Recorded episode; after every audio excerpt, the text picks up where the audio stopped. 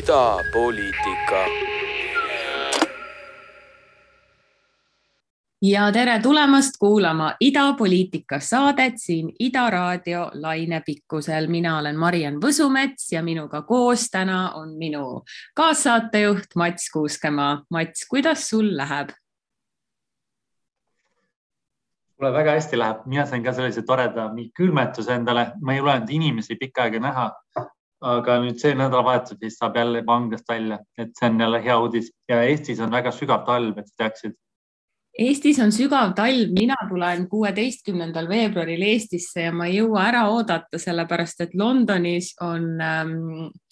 kevad okei okay,, no kevad ei ole, aga no Eesti mõistes ikkagi noh, sa võid ikkagi, kui sa väga tahad, sa võid lühikeste pükstega jooksma minna.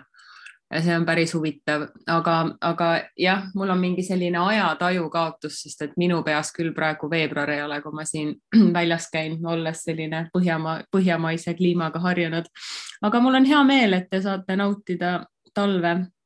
ja meil, mul on hea meel, Mats, ka selle üle, et me seda saadet koos teeme, sest et siin vahepeal on tekkinud olukordi, kus me oleme väga edukalt eraldi seda saadet host inud. Aga on tore olla äh, sinu seltskonnas tagasi selle saate tüüris. ja samad sõnad et äh, London ja Tallinn ei ole midagi nii kauged, aga lihtsalt äh, kalendrist aega leida meil mõlemale alati väga lihtne ei ole, nagu me oleme õppinud. ja see ongi normaalne, elu peabki kiire olema. Andke meile natukene andeks, hea Ida raadio kuulaja, me salvestame seda Zoomis, aga, aga me lubame teile, et selle saate sisu on olenemata võib-olla mõningast, mõningatest tehnilistest lünkadest on, oleme me teile ette valmistanud ähm, sisuka saate. tänases saates on meil sellised teemad nagu sotside uus esimees Lauri Läänemets, väga põnev, väga põnev. Äh, siis me räägime Boris Johnsoni ja kompanii pidudest äh, number ten Downing Streetis. nimelt siis äh, Briti peaminister on sattunud järjekordsesse skandaali seoses sellega, et maikuus aastal kaks tuhat kakskümmend mm, peeti siis valitsuskabineti hoonetes Äh, pidusid äh, samal ajal kui ülejäänud riik oli lukus ja siis nüüd on fotod ja videod tulnud sellest välja, nii et skandaal on suur. ja,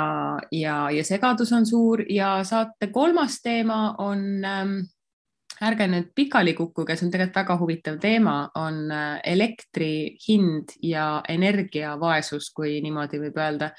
sest et eh, kust mujalt ikka need sellised poliitilised turbulentsid alguse saavad, kui mitte nendest teemadest, mis inimeste rahakotti kõige rohkem mõjutavad. Mats, milliste mõtetega sa tänasele saatele vastu lähed? ja ma mõtlen ikkagi sotside peale, et kuidas neil nüüd läheb, see on eh, põnev teema, võib-olla see energia, energia teema muidugi jääb meid saatma, lihtsalt me peaks sellest teadlikumad olema ja natuke eelmises saates saime ka algust teha kas sul on midagi põnevat kultuurivaldkonnast või väljastpoolt poliitika ja tööelu jäänud ka silmade ja kõrvade vahele, mis sul on tuju heaks teinud viimasel ajal? ja ma aeg-ajalt ikka satun Kumusse, satun, mis oli vist äkki kolm nädalat tagasi ja siis ma läksin, väga ootasin Fotograafis, kas oli uus näituse avamine eelmisel reedel, aga ma olin haige. nii et see tuleb ka üle vaadata et mulle muidu meeldib fotograafia kõige rohkem, ma ei tea, millised kunstivormid sulle kõige rohkem istuvad? minule mm,, ei mul fotograafia vastu ka midagi ei ole, ma just küsisin oma tuttava kunstniku käest, kes siin Londonis elab, äh, Angela Maasalu, et ta soovitaks mulle selliseid äh, iseseisvaid Londoni galeriisid mis äh, kuidagimoodi natukene imiteeriksid seda trajektoori, mida ma Tallinnas järgisin, mis oli stiilis EKKM äh, ja, ja Vanalinna galeriid ja, ja ähm, midagi veel, mis meil seal Noblessneris oli? Temnikova, ühesõnaga ja Temnikova, Kasela, Kai kunstikeskus ja neid, neid väikseid on ka ja seal on toredaid näituseid küll. peab nagu peale sattuma, et. ja no Plessneris on ühe selle Šoti mehe mingisugune galerii ka. Äh, ma ei mäleta, mis selle nimi nüüd on, aga et oleks selliseid, et ma ei käiks ainult äh, Tate Modernis ja Tate Britanis ja Whitechapel galeriis, aga ühesõnaga ah, mis mulle silma on jäänud, tegelikult, mis ma siin Londonis teinud olen, ma olen käinud ähm, luuleõhtutel, väga huvitav, hiljuti oli erootilise spoken word äh, poetry õhtu, et siin Londonis on sellist ähm, sellist nagu nišikamat asja ka, see oli väga äge, see oli Lõuna-Londonis, kus on äh, Jamaica ja Lääne-Aafrika kogukond hästi suur ja see oli selline tõesti väga huvitav ja, ja emotsionaalne ja selline ähm, sensuaalne luuleõhtu, et et, et siin jah, väga tore. Ja Tallinnasse, kui ma tulen, siis ma lähen burleski vaatama Heldekesse, nii et kultuuriplaan on paigas ja kultuuriplaani eesmärk on ainult see, et ähm, hajutada meie meelt sellest poliitikast, millega me peame igapäevaselt toime tulema. Ja ma loodan näha sind ka, Mats, laivis ja juba järgmist saadet salvestada suurepärases Ida raadio uues putkas, jah, kus ma polegi veel käinud. See on tuba isegi täiesti, et see on natuke isegi vahepeal arenenud asjad läinud edasi, aga ma saan aru, et sellega lõplik koht, kus tulla. mida, mida ma muidu mainin muidugi näituste kohta on see, et kõik, kes on vähegi keskkonnast hoolivad inimesed, siis Nick Brand on veel vaatamisel, mis on ähm, Photographiskas, mis põhimõtteliselt näitab seda, kus e loo, lood, looduses olevad loomad, ma ei tea, ninasarvikud ja elevandid on ju, nad pannakse sellisesse tehiskeskkonda, et nagu looduskeskkonna inimese poolt üles, üle, üle võetud ja see muidugi lavastad on ju, et ma ei tea, mingi elevant jääks bensiinijaama või ma ei tea, keset kaevandust on mingi tiiger või, või see on leopard tähendab. et see on selline natuke kunstlik, aga samas väga hästi tehtud, et kõigile soovitan. kõlab väga hästi, kus kohas see oli? Photographiska, Tallinn viskab Tallinn, Eesti Vabariik. Nii, aga me alustame kohe sellega, et me hakkame rääkima Lauri Läänemetsast, kes alles eile kohtus, mis eile, esmaspäeval kohtus ähm, president Alar Karisega Äh, olles siis saanud äh, Sotsiaaldemokraatliku Erakonna uueks esimeheks pärast Indrek Saart ja ma tahaks juba, et miski minust tahab öelda pärast Indrek Saart ja enne Riina Sikkutit, aga, aga hoiame hobuseid. Ja me hakkame sellest kohe rääkima, aga enne me kuulame ära ühe lühikese toreda muusikapala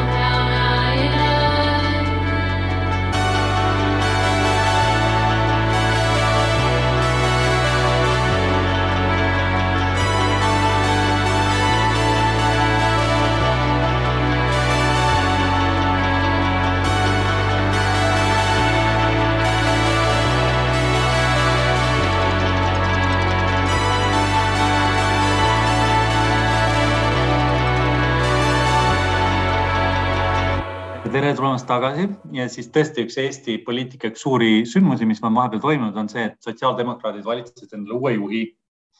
ja valitsuse osutus siis nagu juba enne ära öeldi, siis Lauri Läänemets, kes sai kakssada kolmkümmend neli häält Riina Sikkuti saja üheksakümne seitsme hääle vastu. ja nagu te teate, siis loomulikult sotside erakonnas on, on rohkem inimesi, kui on nelisada umbes. et, et selles mõttes seal oli ikkagi mingisugune selline delegaadisüsteem,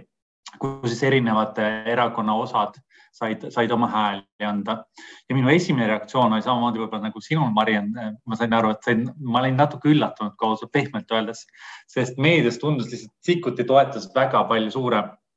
ma ei tea, mis sinu esimene reaktsioon oli, Mariann? ma ei tea, mina olen elanud teadmises, et Lauri Läänemetsast saab sotside uus juht juba, ma arvan, mingi viimased aasta aega, sest et Lauri Läänemets on väga kõvasti tööd teinud selle, selle nimel ja Riina Sikkut kindlasti ka, aga Riina Sikkut vahepeal oli natukene pildilt maas seoses siis äh, lapsevanemaks saamisega. aga, aga ma arvan, et mõlemad, mõlemad valikud on tegelikult sotsidele, sotsidele nagu okei okay., et äh, ma arvan, et Riina Sikkuti aeg kindlasti tuleb. Riina Sikkut on kindlasti väga võimekas väga võimekas juht ja Riina Sikkutiga mul on olnud au kunagi koos töötada poliitikauuringute keskuses Praxis aastal kaks tuhat kolmteist, kui mina olin muidugi väga noor inimene, aga Riina Sikkut oli seal siis ähm, ma nüüd võin natukene mäletada valesti, aga ma arvan, et ta oli sotsiaalteemade analüütik, eks ole ja, ja, ja väga-väga selline südamega asja juures inimene on ta, on ta alati olnud ja, ja väga hea meel, et ta poliitikasse pärast Praxist ka läks ja, ja, ja, ja tõesti, tõesti väga võimekas ja väga selline hea esinemisoskusega, väga veenev ja väga karismaatiline on Riina Sikkut, aga, aga kindlasti saab sedasama öelda ka Lauri Läänemetsa kohta. et Lauri Läänemetsa puhul ma mäletan näiteks meediakajastustest, kus mul endal oli, oli võimalus kohal olla siis, kui Riigikogu tegeles, kui EKRE tegeles äh, hääletuse pidurdamisega mingi aasta-poolteist tagasi ja siis ähm, ja siis okupeeriti Anti Poolametsa kabinet äh, Kaja Kallase ja Lauri Läänemetsa poolt. ja, ja see oli väga naljakas ja siis me istusime. asjad, millest mina midagi ei tea, Mariann, ma arvan, et sa peaks rohkem jagama selliseid kogemusi ja siis ma istusin seal koos Anti Poolametsa, Lauri Läänemetsa ja Kaja Kallasega ja, ja Anti Poolamets oli väga nagu heidutatud sellest, see kõik jäi muidugi kaamera pilti üles ka, et kusagilt Kanal kahe Reporteri lehelt võite selle üles otsida, et see oli, see oli väga meeleolukas, et Andi Poolamets oli väga häiritud sellest, aga Lauri Läänemets kasutas ära, seal ei olnud ainult Kanal kaks, seal oli TV3 ja ETV, kõik olid seal kohal. Ja Lauri Läänemets sai aru, et kaamerad filmivad ja ta pani sellise võimsa show püsti, et kui nagu iga poliitik oskaks meediat enda huvides nii hästi ära kasutada nagu Lauri Läänemets, tabada ära selle hetke, et nüüd on sinu moment särada, siis, siis oleks meil palju rohkem äh, ma arvan jah, ma ei tea, kas nüüd edukaid poliitikuid, aga meil oleks palju rohkem sellist nagu noh, ütleme vähem tuimasid poliitikuid, et äh, ma arvan, enamus ei, ei, ei tabaks nagu seda hetke ära, aga Lauri Läänemets teatas seal käed laiali Anti Poolametsa kabinetis istudes, et, et selle äh, suure saali istungi Äh, ära katkestamisega tegi Anti Poolamets põhimõtteliselt de facto oma kabinetist istungi toimumise koha ja siis nad läksid Kaja Kallasega sinna istuma ja keeldusid sealt lahkumast. Ja, ja see oli, oli väga tore. Selles, mis ma öelda, mis ma öelda tahan, on see, et Lauri Läänemets on äh, tema, ta, ta sobib, ta sobib erakonna juhiks küll. Ja, ja tal on natukene selline Jüri Ratase vibe minu meelest. Äh, ta on küll noh, teistsugune noh, selles mõttes ma ei taha öelda, et ta on nagu Jüri Ratas, aga tal on selline, selline nagu sihuke sõbramehelik ja sihuke muhe, sellise nagu Eesti mehe olek, et ma arvan, et selline Eesti inimene saab temaga samastuda ja ma arvan, et see on hea jah, selline rahvamehelik olek, absoluutselt, ma olen nõus, aga teda on natuke lihtsam kuulata kui, kui Ratast, minul vähemasti. ta moodustab laudi. Ratas lihtsalt tema, jah, ta moodustab seal, jah, see on nüüd lihtsam, paremini moodustavad laused. Äh, aga mis on huvitav, on see, et nende kahe, kui ma vaataks nende CV-d on ju, siis Sikkut on tõesti hästi policy inimene, nagu hästi väga head kogemused järjest on ju ministeeriumides töötanud, Praxises, Swedbankis, ma ei tea, Londonis on tal Londoni ülikoolist magistrikraad tervisepoliitikas on ju Läänemets on rohkem selline vallavanem, ma ei tea, teeb sporti, on olnud Kaitseliidus ja mingi malevast kogunud medaleid. jah. vimpleid kindlasti ka. vimpleid kindlasti, et selles mõttes hästi huvitav on jah see, et neil on nagu nii erinev taust, aga, aga mis on, mis on mis mind nagu üllatas, oligi see, et ma vaatasin läbi selle Salk, Salk Telsu uuringu enne siis neid valimisi, sotside valimisi, et kumb oleks parim valik, parem valik sotsidele ja nende siis avalik, avaliku arvamuse uuring näitas ikkagi seda põhimõtteliselt, et, et sots, et Sikkutil tundus olema põhimõtteliselt kaks korda suurem toetus ükskõik mis sotsiaalses grupis, vanus, sugu reg,, ähm, regioon, kus nad elavad, Eestis erakondlik eelistus Äh, ja, ja see selle, selle, sellest vaatenurgast oligi see, et võib-olla natuke üllatus, et, et Läänemets ikkagi võitis, sest mulle tundus ka, et isegi võib-olla sotside juhtkonnast võib-olla rohkemad ikkagi toetasid Sikkutit avalikult. Ähm, ja, ja sellepärast jah, see tundus e-, esmapilgul mulle natuke üllatav, aga samas, samas seal, seal taga peavadki olema tugevad põhjused, et see juhtuks eks need põhjused mingil määral on ikkagi see, et kui vaatame sotse, siis äh, meil on maapiirkondades tublisid sotse, kel õnnestus saada näiteks kohalikke omavalitsusi juhtima, on ju. Äh, ja näiteks, äh, ma ei tea, Võru linnapea Anti Allas, Hiiu vallavanem Hergo Tasuja, et ilmselt nad lihtsalt tunnevad, et, et, et, et, et Läänemetsal on rohkem sellist nagu rahvamehe vaibi, nagu sa rääkisid et selles osas neil, tal on võib-olla suut-, temaga koos on neil võib-olla lihtsam ise ka rohkem hääli saada. et ma ei tea, kas see on õige või vale, aga ilmselt nad nii usuvad. ja ähm,, ja, ja mis mulle Läänemetsa puhul meeldib, on see, et tema puhul on nagu näha, et ta tahab seda ja ma arvan, et ta on tahtnud seda juba, juba väga pikalt, et selles mõttes ega kõik need ülesastumised, mis ta teinud on on ju ka ikkagi olnud nagu selle tuntuse ja, ja kõlapinna kogumise eesmärgil, et ma arvan, et ta siis ka, kui, kui ta oma seda performance'it seal Poolametsa kabinetis tegi, ma arvan, ta väga teadlikult juba teadis, et see, et see noh, panustab ka nagu tema sellisesse mainekujundusse. Mis sa mis ta, mis, mis sa arvad, Mats, mis ta, mis ta ära teeb? mina arvan kindlasti, et ta on häälekam ja, ja natukene nagu mm, rohkem pildil ja, ja julgem ja, ja sellisem nagu jõulisem kui Indrek Saar kindlasti. aga, aga kui, kui nagu suureks me tema sellist nagu teovõimet ja ütleme sellist nagu sotside poliitika läbisurumist või, või selgitamist äh, hindame? ma arvan seda, et siin on tegelikult kõige olulisem asi, mis juhtuma, on see, et see erakond ikkagi jääb nagu suhteliselt ühtseks, et ta jääb ta selja taha, et kes iganes valiti, et minnakse sellega edasi, kuigi oli paljudele üllatuseks et ma arvan, et see on kõige olulisem, et nad ei lähe nüüd omavahel nagu tülli või inimesed ei hakka minema kusagile ühte, ühele poole, teisele poole ära. et ma arvan, et see vahe tegelikult ei ole ka nii suur Sikkuti ja, ja Läänemetsa vahel, et tegelikult see on ikkagi tonaalsuse küsimus. et võib-olla, mida ta rõhutaski natuke oma kampaanias, oli see, et me ei saa ainult rääkida võib-olla väärtustest, vaid me peame lihtsalt rääkima tööinimesest, ebavõrdsusest, on ju. ja, ja, ja võib-olla see ongi see tonaalsuse küsimus, kuidas sa tood võib-olla hääli, ma ei tea, väikestes, väikestes Eesti kohtades või Tallinna kesklinnas, eks. Et need on, need on natuke erinevad tonaalsused, aga mida ma vaatasin muidu, vaatasin neid numbreid, et kui sotsid olid populaarsemad mille nad said, nad said kaks tuhat viisteist aasta Riigikogu valimistel siis kolmanda koha Eestis, kaheksakümmend seitse tuhat häält. et tegelikult nad said maapiirkonnas väga palju hääli. EKRE oli siis juba olemas, et näiteks Võru, Valga, Põlvamaal teine koht, Järva-Viljandimaal, Hiiu, Lääne-Saaremaal teine koht ja samamoodi Ida-Virumaal ja Tartus ja tegelikult Tallinnas on pigem kaotasid hääli, Tallinnas on Keskerakond alati tugev olnud. Et selles mõttes sotsid on varem saanud hääli maapiirkonnast, Marina Kaljuranna on ju Euroopa Parlamendi äh, kandideerimine tõestas seda samamoodi. Ja, ja samamoodi need väikesed kohad, kus sotsidel on edu, on, on, on, on, on, on läinud hästi, nad võitsid valimisi ja nad võitsid valimisi muidugi ka osaliselt, äh, kui nad tegid palju siis nagu äh, neid liite on ju eelmistel, eelmistel, eelmistel kohalikel valimistel. et ma arvan, et tema puhul, mis oleks hea tulemus, olekski see, et ta võib-olla koondaks selle nagu toetuse, paljud endised sotsid võib-olla maapiirkonnast, mõned tooks tagasi, äh, organiseeriks neid paremini, et neil oleks lihtsalt tugevam organisatsioon ka nagu Tallinnast ja Tartust väljaspool jätkuvalt. Ja nad läheks sellega koos nagu sinna era, sinna valimistele vastu, et ma arvan, et see oleks juba kokkuvõttes hea tulemus, et lihtsalt kui see erakond nagu ta nii-öelda natuke konsolideeriks seda nende toetust ja varasemat toetust maapiirkonnas. eraldi küsimus on see, et kellelt ta neid ära võtab, neid hääli aga võib-olla, võib-olla ongi, võib-olla ta toob hoopis hääle, hääletajad tagasi, kes üldse hääletamata jätsid eelmistel valimistel. no mina tahaks loota seda, et ta võtaks hääli ära EKRE-lt, see on muidugi kõige optimistlikum lootus, aga samas mulle tundub, et see,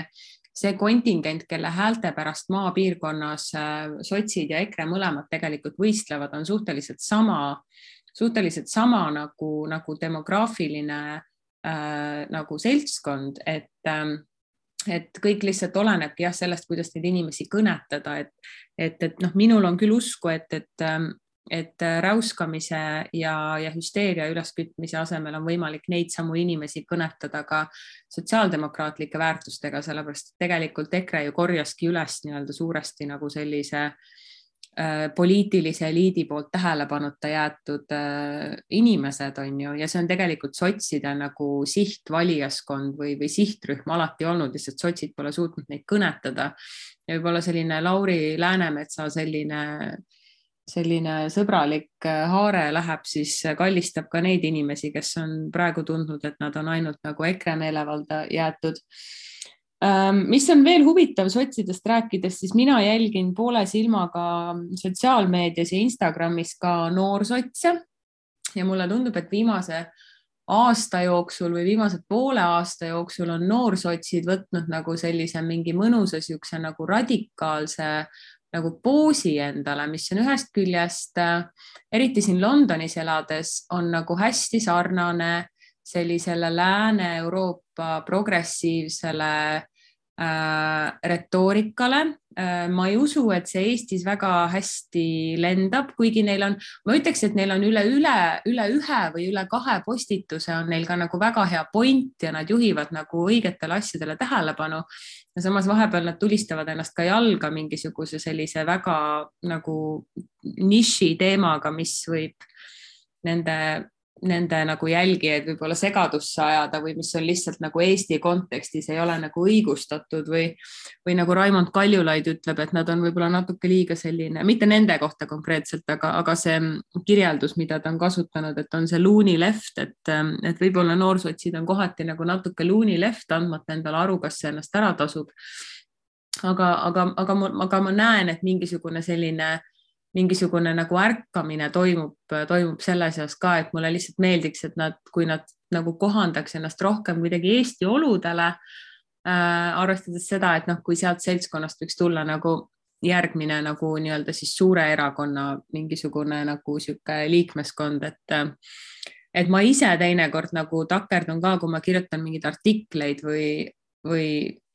mingisuguseid arvustusi, siis mulle tundub, et ma olen nagu kultuuriruumi poolest nagu kusagil mujal oma väärtustega ja ma üritan seda Eesti konteksti kohandada, aga see alati nagu ei päde. ja, ja see on nagu niisugune nagu tasakaalu leidmise koht, et, et mulle tundub, et noorsotsid võiks,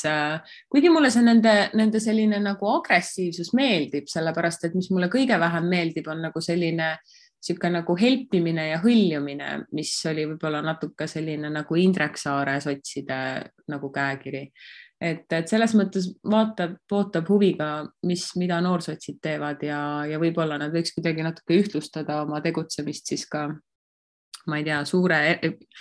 e ema erakonnaga või, või nagu siis nii-öelda noh, nagu mitte, mitte noor erakonnaga, ma ei tea, kuidas nimetatakse seda, seda erakond, seda osa, mis ei ole nagu siis noor, pagan, noor. Nende jaoks ikka vanad siis ilmselt. vanad, no aga... vanad, aga aga, aga, aga ei, huvitav jah, selles mõttes, et ma arvan, et Lauri Lääne, Lauri Läänemets kindlasti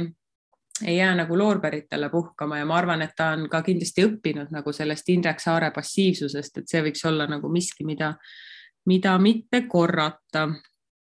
aga jah, nende noorte äh, noorsotside kohta ma olen selles mõttes sinuga hästi nõus, et esiteks on tore, et, et meil on aktiivsed noored inimesed, kes on julged ja nii peabki olema mõnes mõttes aga see häda Eestis on, ongi peamine minu arust see, et noored ei lähe valima piisavalt. et selles mõttes, et ja teine on see, et me üldse kõik on ju, me kõik ootame seda, et poliitikud oleks meiega sada protsenti kõigis asjades ühes meeles. ja see on võib-olla noortele nagu raske tajuda, et kui öeldakse, et mõnda asja peab kümme aastat ootama lihtsalt, sest rahva arvamus ei ole veel seal või hääled, noh, see pigem nagu peletab hääletajaid minema mingi teema või midagi sellist. et see on natuke Bideni puhul ka see teema, et võib-olla paljud on ju progressiivsed demokraadid USA-s täpselt samamoodi tahavad nagu tugevat nagu nii-öelda identity politics ja nagu kõigile sada protsenti õigeid võrd võrdsuseid ja õigeid väärtuseid, aga samas on see, et see keskmine ameeriklane on ikkagi väga keskmine, noh, et Eestis on ka see, et ma arvan, Eesti on kokkuvõttes liberaalne rahvas aga väga napilt, on ju. ja noh, mõned, mõned asjad, näiteks sotsiaalsed väärtused jällegi, ma ei tea, vanemates kogukondades, vene kogukonnas, täiesti erinevad ja me ei saa nagu täiesti sada protsenti minna ühte, ühte äärmusse nagu, isegi kui me tahame seda nagu rahva arvamust muuta. et see on, see ongi karm ja see on raske, see on noorsotsidel raske ja ma loodan, et peamine ongi see, et nad, neil oleks pikka vindu, et nad ei jookseks kohe minema poliitikasse, kui nad ei, kui nad tunnevad, et neid ei kuulata piisavalt või nad ei saa kõike kohe, mis nad tahavad jah, ma arvan, et noorsotsid on hakanud täitma nagu sarnast funktsiooni nagu näiteks EKRE noortekogu ka, et, et, et, et erakond saabki seal oma selliseid nagu radikaalsemaid ideid katsetada, et kui nad ei taha nagu päris võib-olla, ma ei tea, kusagil Riigikogu põrandal nagu päris nagu niisugust radikaalset juttu rääkida millest võib-olla ainult erakonna mingid fanaatikud saaksid aru või mingid hardcore, mingid poliitika jälgijad, et kui nad ei taha päris nagu keskmist valijat ära peletada, siis nagu noortekogu on hea koht, kuhu oma nagu selline niisugune äh, nagu vürtsikam, vürtsikam jutt veeretada, et aga noh, eks elame-näeme, vaatame, mis saab ja ja, ja kindlasti, kindlasti huvitav saab olema jah, jälgida nagu Lauri Läänemetsa siis teekonda sotside juhina ja, ja ka uutele valimistele vastu minnes. Ja ma arvan, et Lauri Läänemets on kindlasti selline juht, kellega siis mis tahes erakonnal oleks võimalik ka valitsust moodustada, olgu see siis Keskerakond, Reformierakond, Isamaa, Eesti kakssada, et ma näen, et need kõik suudaksid Lauri Läänemetsa juhitud sotsidega koostööd teha. Aga ma arvan, et me liigume siit nüüd taaskord ühe muusikalise vahepala juurde ja siis me tuleme juttudega juba siia minu riiki. hakkame rääkima sellisest Otto Triinust nimega Boris Johnson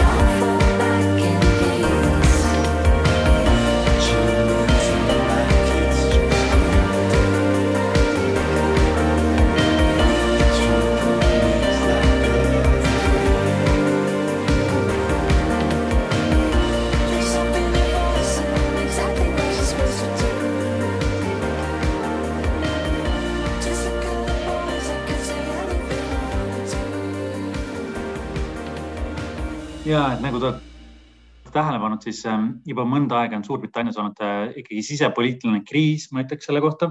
äh, mille, mille on siis tekitas see, kui mm, Boris Johnsoni üks nõunik põhimõtteliselt avalikustas seda, et, ähm, et seal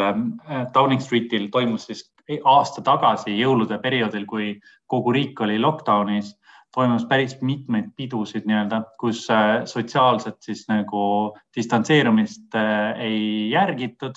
ja, ja see oli ajal, kui inimesed nii-öelda, nad paljud tahtsid, äh, paljud tahtsid oma perega koos olla, aga nii-öelda see ametlik sõnum oli see, et Christmas is cancelled on ju, et sa ei tohi olla päris või noh, suure seltskonnaga koos, paljud inimesed ei läinud oma vanemaid vaatama. samamoodi kuninganna Elizabeth Teine, kes siis mattis oma abikaasat ähm, Prince Philipit pidi tegema seda väga-väga väikses seltskonnas ja samal ajal siis selgus, et tegelikult äh, Downing Streeti kogu nii-öelda see ähm,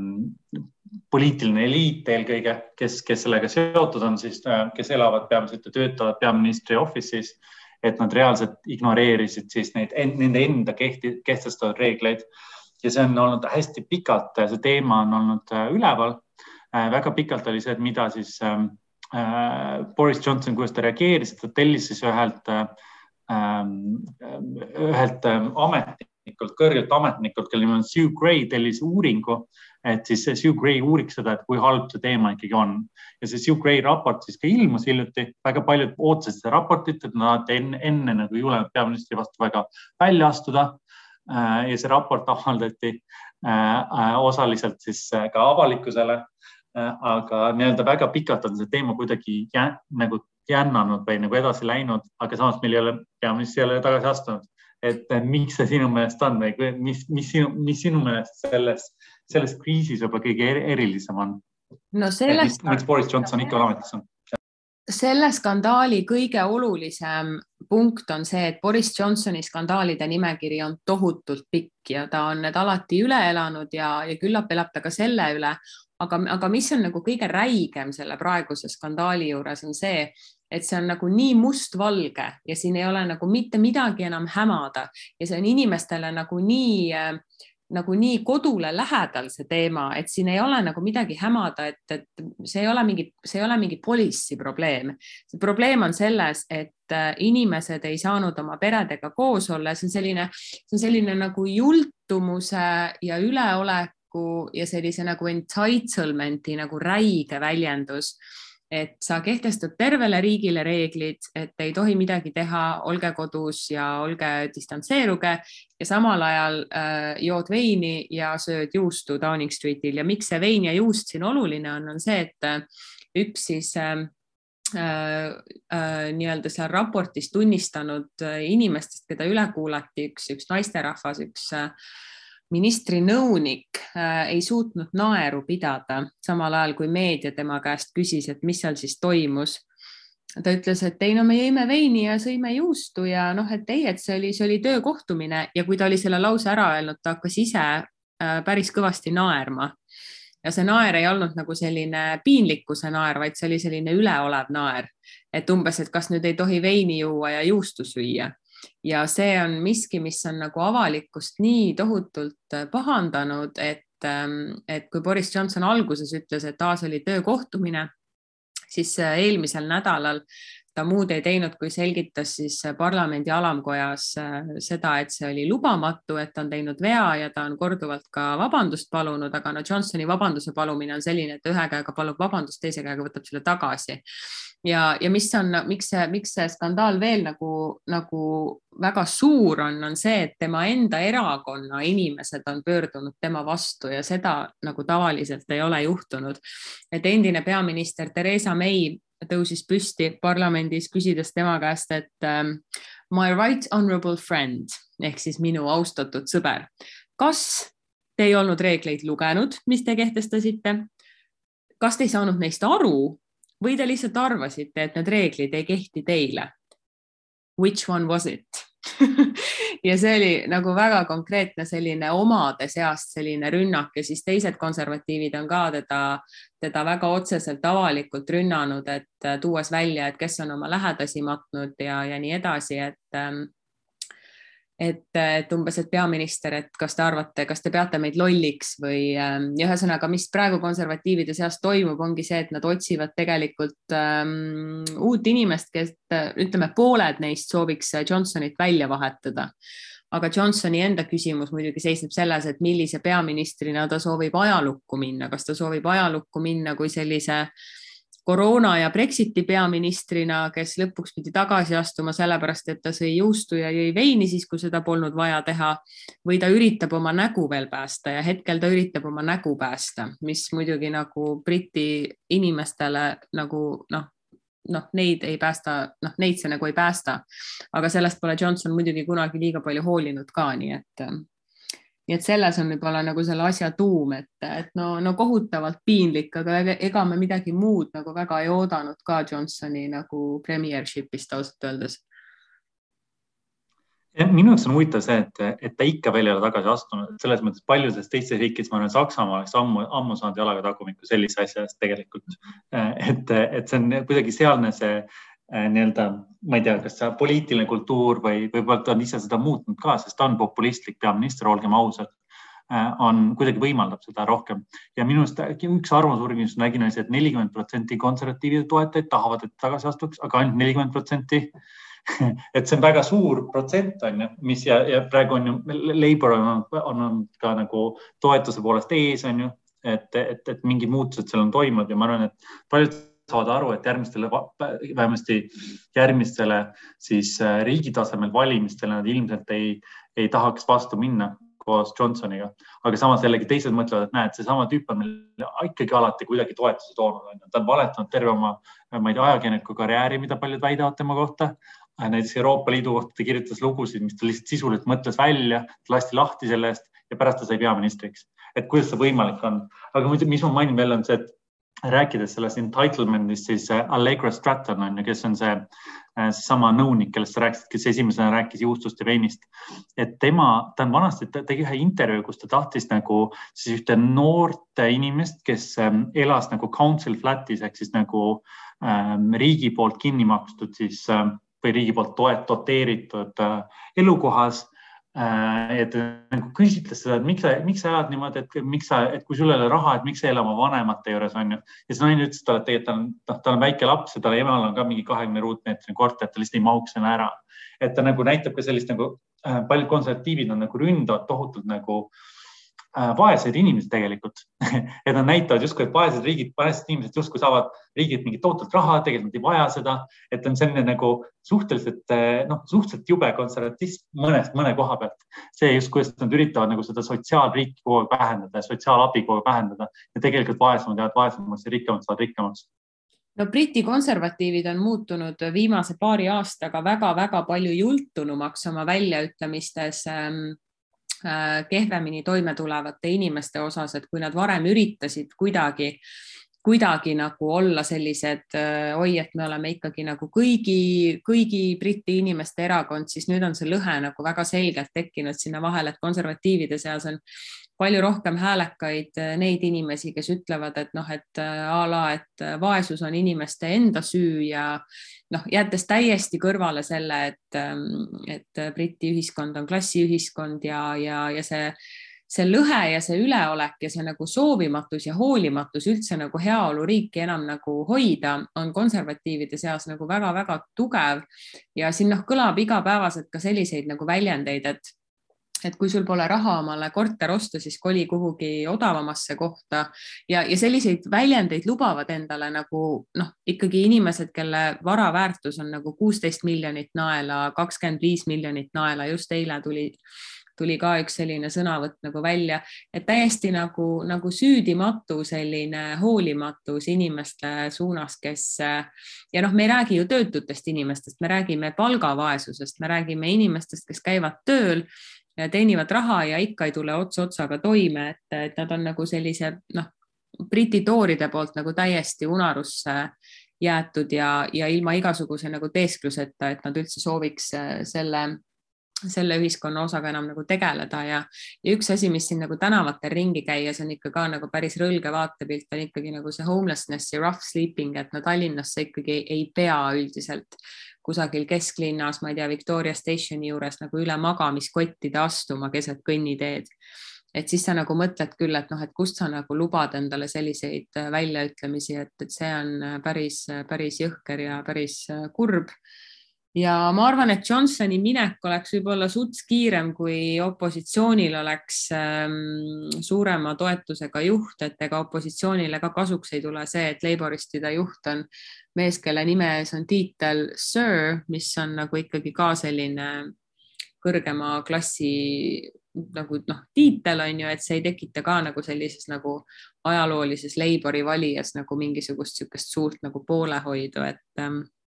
et suht selline no, nagu. Labori osas ma saan sinust aru nagu, mis sa mõtled, aga samas on see, et Jeremy Corbyn oli nagu eriti vihatud, sest ta oli ka väga vasakpoolne. ta oli muidugi ka osaliselt see Euroopa Liidust väljakukkumine oli ka natuke tema süü, ta oleks võinud kokkuleppe teha moderaatidega, kes olid eh, konservatiivide erakonnas tol ajal.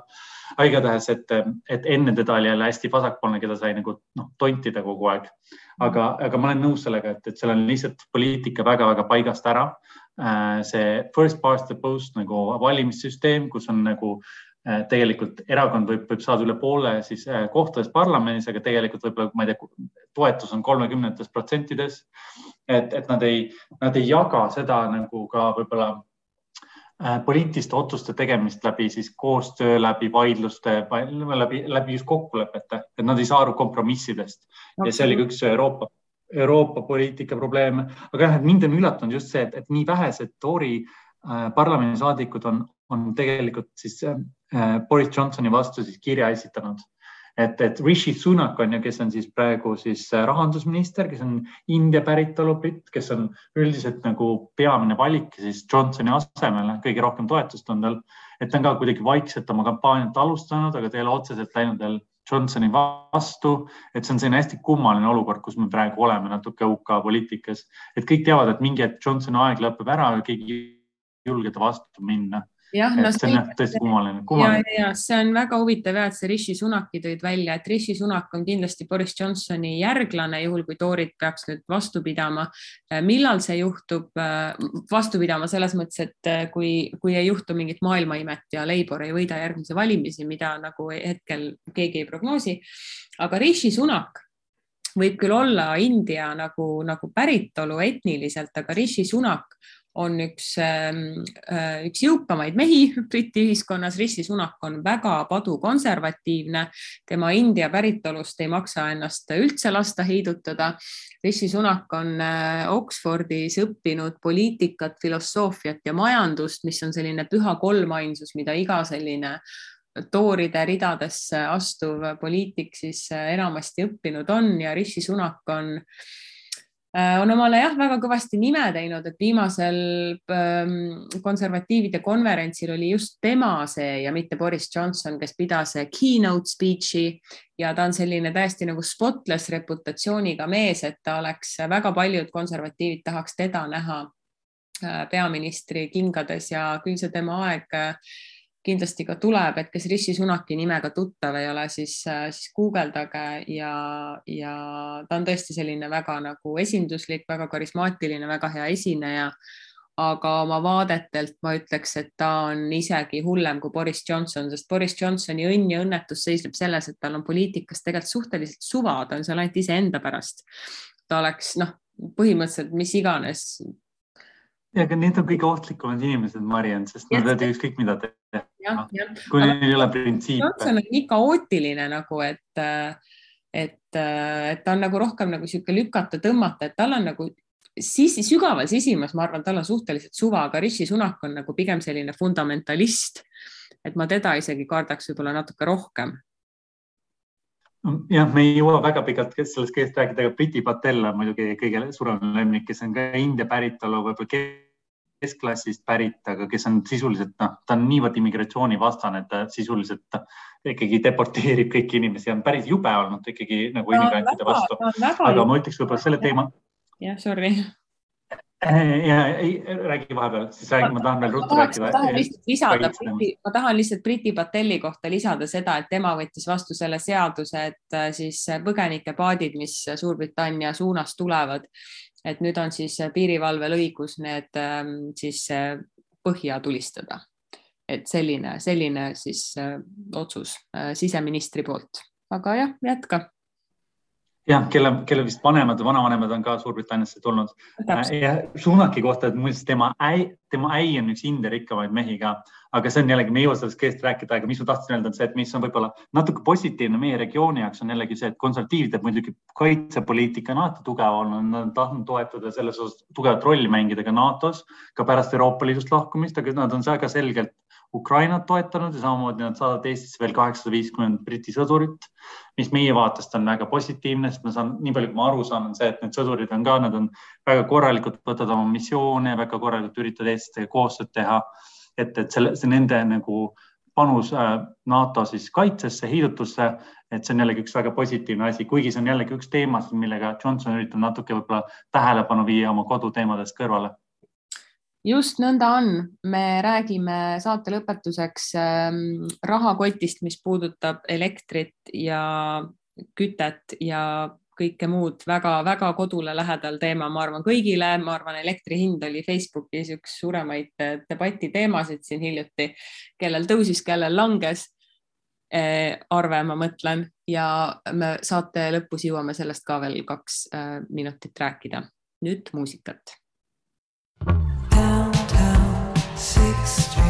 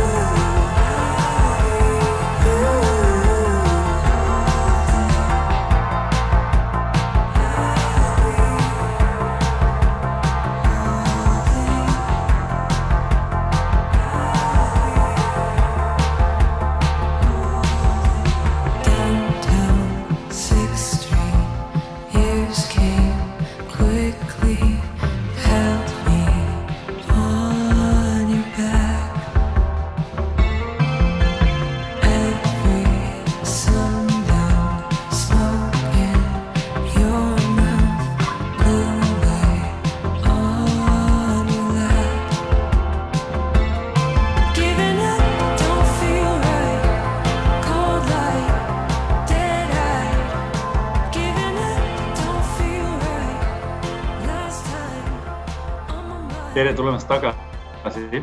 meil on nüüd natuke aega, aga me eelmise saate lõpus rääkisime tibakene sellest, et kuidas elektrihinnad tegelikult kujunevad, kuidas turuhinnad kujunevad, et miks, miks meil on selline olukord, et meil on elekter ja meil on gaas nii kohutavalt kallid ühe korraga.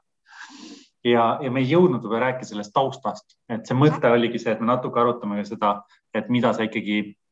ühiskondlikult tähendab ja kuidas peaks selliste teemadega tegelema. aga meie eelmine külaline siis, kes Janno Jõulu, kes tegeleb igapäevaste energiaturgudega, mida sisuliselt ütles, et meie peamised põhjused, miks energia on hetkel nii kallis, on see, et Norras on see, et Norra äh, siis hüdroelektrijaamades on veetase väga madal, see tähendab terves Põhjamaades on, on elekter kallis. meil on äh, Leedus on ju suur elektritootmise auk samamoodi äh,, gaasi Venemaa ekspordib vähem kui tavaliselt ja meil on erakordselt, erakordselt külm talv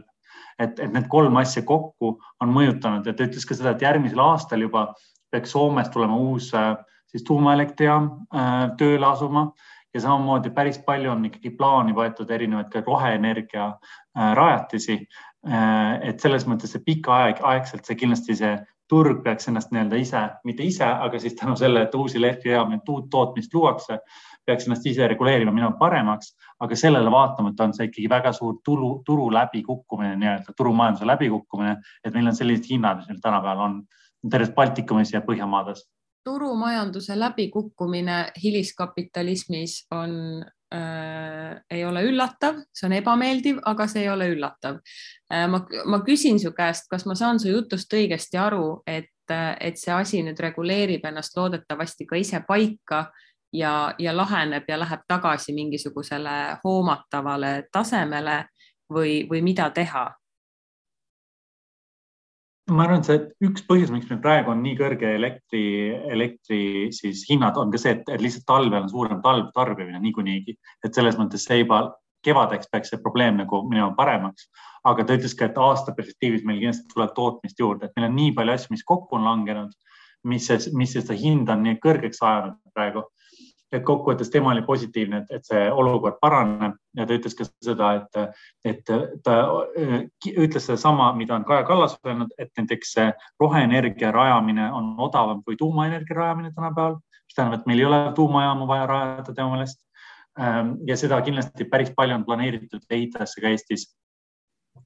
no vot, mina tuumaekspert ei ole, ma ei oska ma ei oska mingit seisukohta sellel teemal võtta ja minu meelest vaadates nagu neid äh, vaadates neid arutelusid sotsiaalmeedias, siis mulle tundub, et inimestele teeks palju rohkem head see, kui nad annaks endale aru, millistes teemades nad on eksperdid ja millistes nad ei ole, et me võime kõik vaadata, kas meil elektriarve tõusis või langes, aga aga juhul, kui sa noh, selles mõttes see on kompleksne teema ja, ja siin ongi nagu see koht, kus mul on hea meel, et sul eelmises saates selline külaline näiteks oli, et, et mina nagu mingit sellist autorita-, autoritatiivset, mis sõna see on? Ähm, mina ei diktaatorlik või? diktaatorlik, mina ei pretendeeri autoriteedi äh, äh, positsioonile selles teemas, küll aga ma pretendeerin sellele, et öelda, et näiteks äh, äh, minu Tallinna kodu küttearve detsembri või jaanuari eest oli oli tavalise saja kahekümne asemel oli sada seitsekümmend eurot, mis on väga palju rohkem. ja siin Londonis meil oli niimoodi, et me elame siin neljakesi oma majas ja meil oli niimoodi, et me kõik pidime maksma vist kümme naela rohkem, et see nagu väga hull ei olnud, et meil terve maja peale äh, oli siis äh, eelmise kuu küttearve oli siis nelikümmend viis naela kõrgem, et see on nagu nagu noh, tehtav on ju, see ei ole muidugi tore, sest me keegi polnud arvestanud sellega. aga ma tean ka inimesi, kes on maksnud, äh, mul vist sõbranna Tallinnas, kellega ma hiljuti rääkisin, kas tema maksis äkki kakssada viiskümmend või mingisuguse täiesti ebanormaalse summa. ma olen kunagi ka vanalinnas elanud, ma tean, ma tean, millised keskküttearved võivad inimestel olla, aga minul, ma sain gaasipaketilt uue hinna, mis on neli korda kõrgem eelmisest et äh, aga see algab esimesest märtsist, hakkab jah, neli korda kõrgem jah. gaasi, aga ma saan vähemalt ise reguleerida oma korteris, kui palju ma tarbin seda sooja, sooja, et äh, jah. aga sul on kogu kütte. aga miks ma tahtsin äh,? ei, see gaas on tegelikult suhteliselt, minu jaoks on minu korteris suhteliselt odav viis muidu tavaliselt kütta, et mul ei ole suured arved kunagi olnud. aga, aga jah, mis ma tahtsin öelda, et Eestis, kui ma vaatasin ka suhteliselt vaesuses elavate inimeste äh, arvu või nagu proportsiooni, siis tavaliselt enamikes ühiskonnagrupid vanustes on see viisteist kuni kakskümmend protsenti, aga ikkagi meil on pensionäridest nelikümmend protsenti elavad suhtelises vaesuses. ja kui me räägime, et keskmine pension on kusagil, ma ei tea, kas neljasaja euro ligi või midagi sellist. ja siis siin me räägime elektri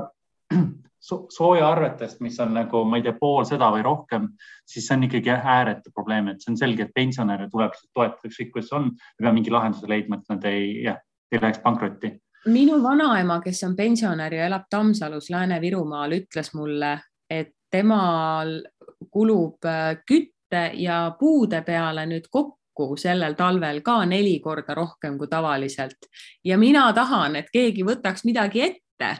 sest et see ei ole üldsegi aus ja see on väga-väga halb tendents arvestades ka meie pensionite suuruseid ja arvestades seda paganama lume hulka ja seda külma, mis teil seal toimub, et no see, no see ei ole okei okay,, arvestades, et inimesed sind ka ikkagi kütavad puudega ja nii edasi, et ma ütlen, see on täitsa kohe tigedaks teeb see asi, aga, aga kes tahab siis jah, rohkem teada sellest, kuidas hind kujuneb, siis kuulab Matsi eelmist idapoliitikat, kus oli, oli siis asjatundja, kes rääkis, kuidas see hind kujuneb, mis muidugi ei päästa meid selle eest, et see meie rahakotti väga valusalt lööb. aga, aga mingid põhjused väga ometi on. ma arvan, et ma arvan, et oluline on see, et me saame aru, et meil on ühisturg praegu Euroopas ja selles mõttes pikapeale see vajab ühist vastust, see vajab ka seda, et Balti ja Põhja peaministrid näiteks istuks koos ja koos leiaks need lahendused, et see ei ole ainult Eesti probleem, et Eesti toodab liiga vähe, sest meie turg on põhimõtteliselt ühtne ikkagi Soome ja Lätiga ja nii edasi. Et, et seal on piisavate ühenduste ja piisava tootmise teema, mis on nagu laiem, laiem kui ainult Eesti. Ja sellega tuleb kindlasti tegeleda. Ja ma arvan, et poliitikud on sellest kindlasti aru saanud. Et loodame, et järgmine aasta meil on parem olukord kui praegu. Alati loodame, et tulev, et tulevik on parem olukord kui praegu. selline sai tänane idapoliitika saade, Mats, mul on suurepärane hea meel, et Zoom ei vedanud meid alt ja nii kiiresti sai see saade läbi. No vot, me peame, peame pikenema, peame rohkem saadet tegema, küll me, küll me jõuame just nii ja kes huvi tunneb ja kes äh, tunneb mind äh, rohkem kui vaid selle saate vahendusel, siis ähm, veebruari keskel saame kõik rõõmsasti kokku ja järgmist saadet me ka Matsiga salvestame koos, nii et kahekümne neljanda veebruari saade tuleb teieni küll väikese ettesalvestusega, aga tuleb äh, täies koosseisus oma uhkuses ja hiilguses ida, idapoliitika, Ida raadio Äh, stuudios salvestatuna. Mats, ma juba väga ootan seda ja ma ootan, et sind ka näha ja lund näha ja Tallinnat näha. ja aitäh kõigile, kes meid kuulasid. Äh, kindlasti andke tagasisidet, jagage seda ja, ja kohtume teiega juba peatselt ja Mariann, sina vaata, et sa kusagil tee peale ei jää, sest sind Eestisse ikka lubatakse absoluutselt ja kindlasti jälgige idapoliitikat Facebookis, andke meile tagasisidet ja, ja, ja jah, kuulmiseni, järgmise korrani.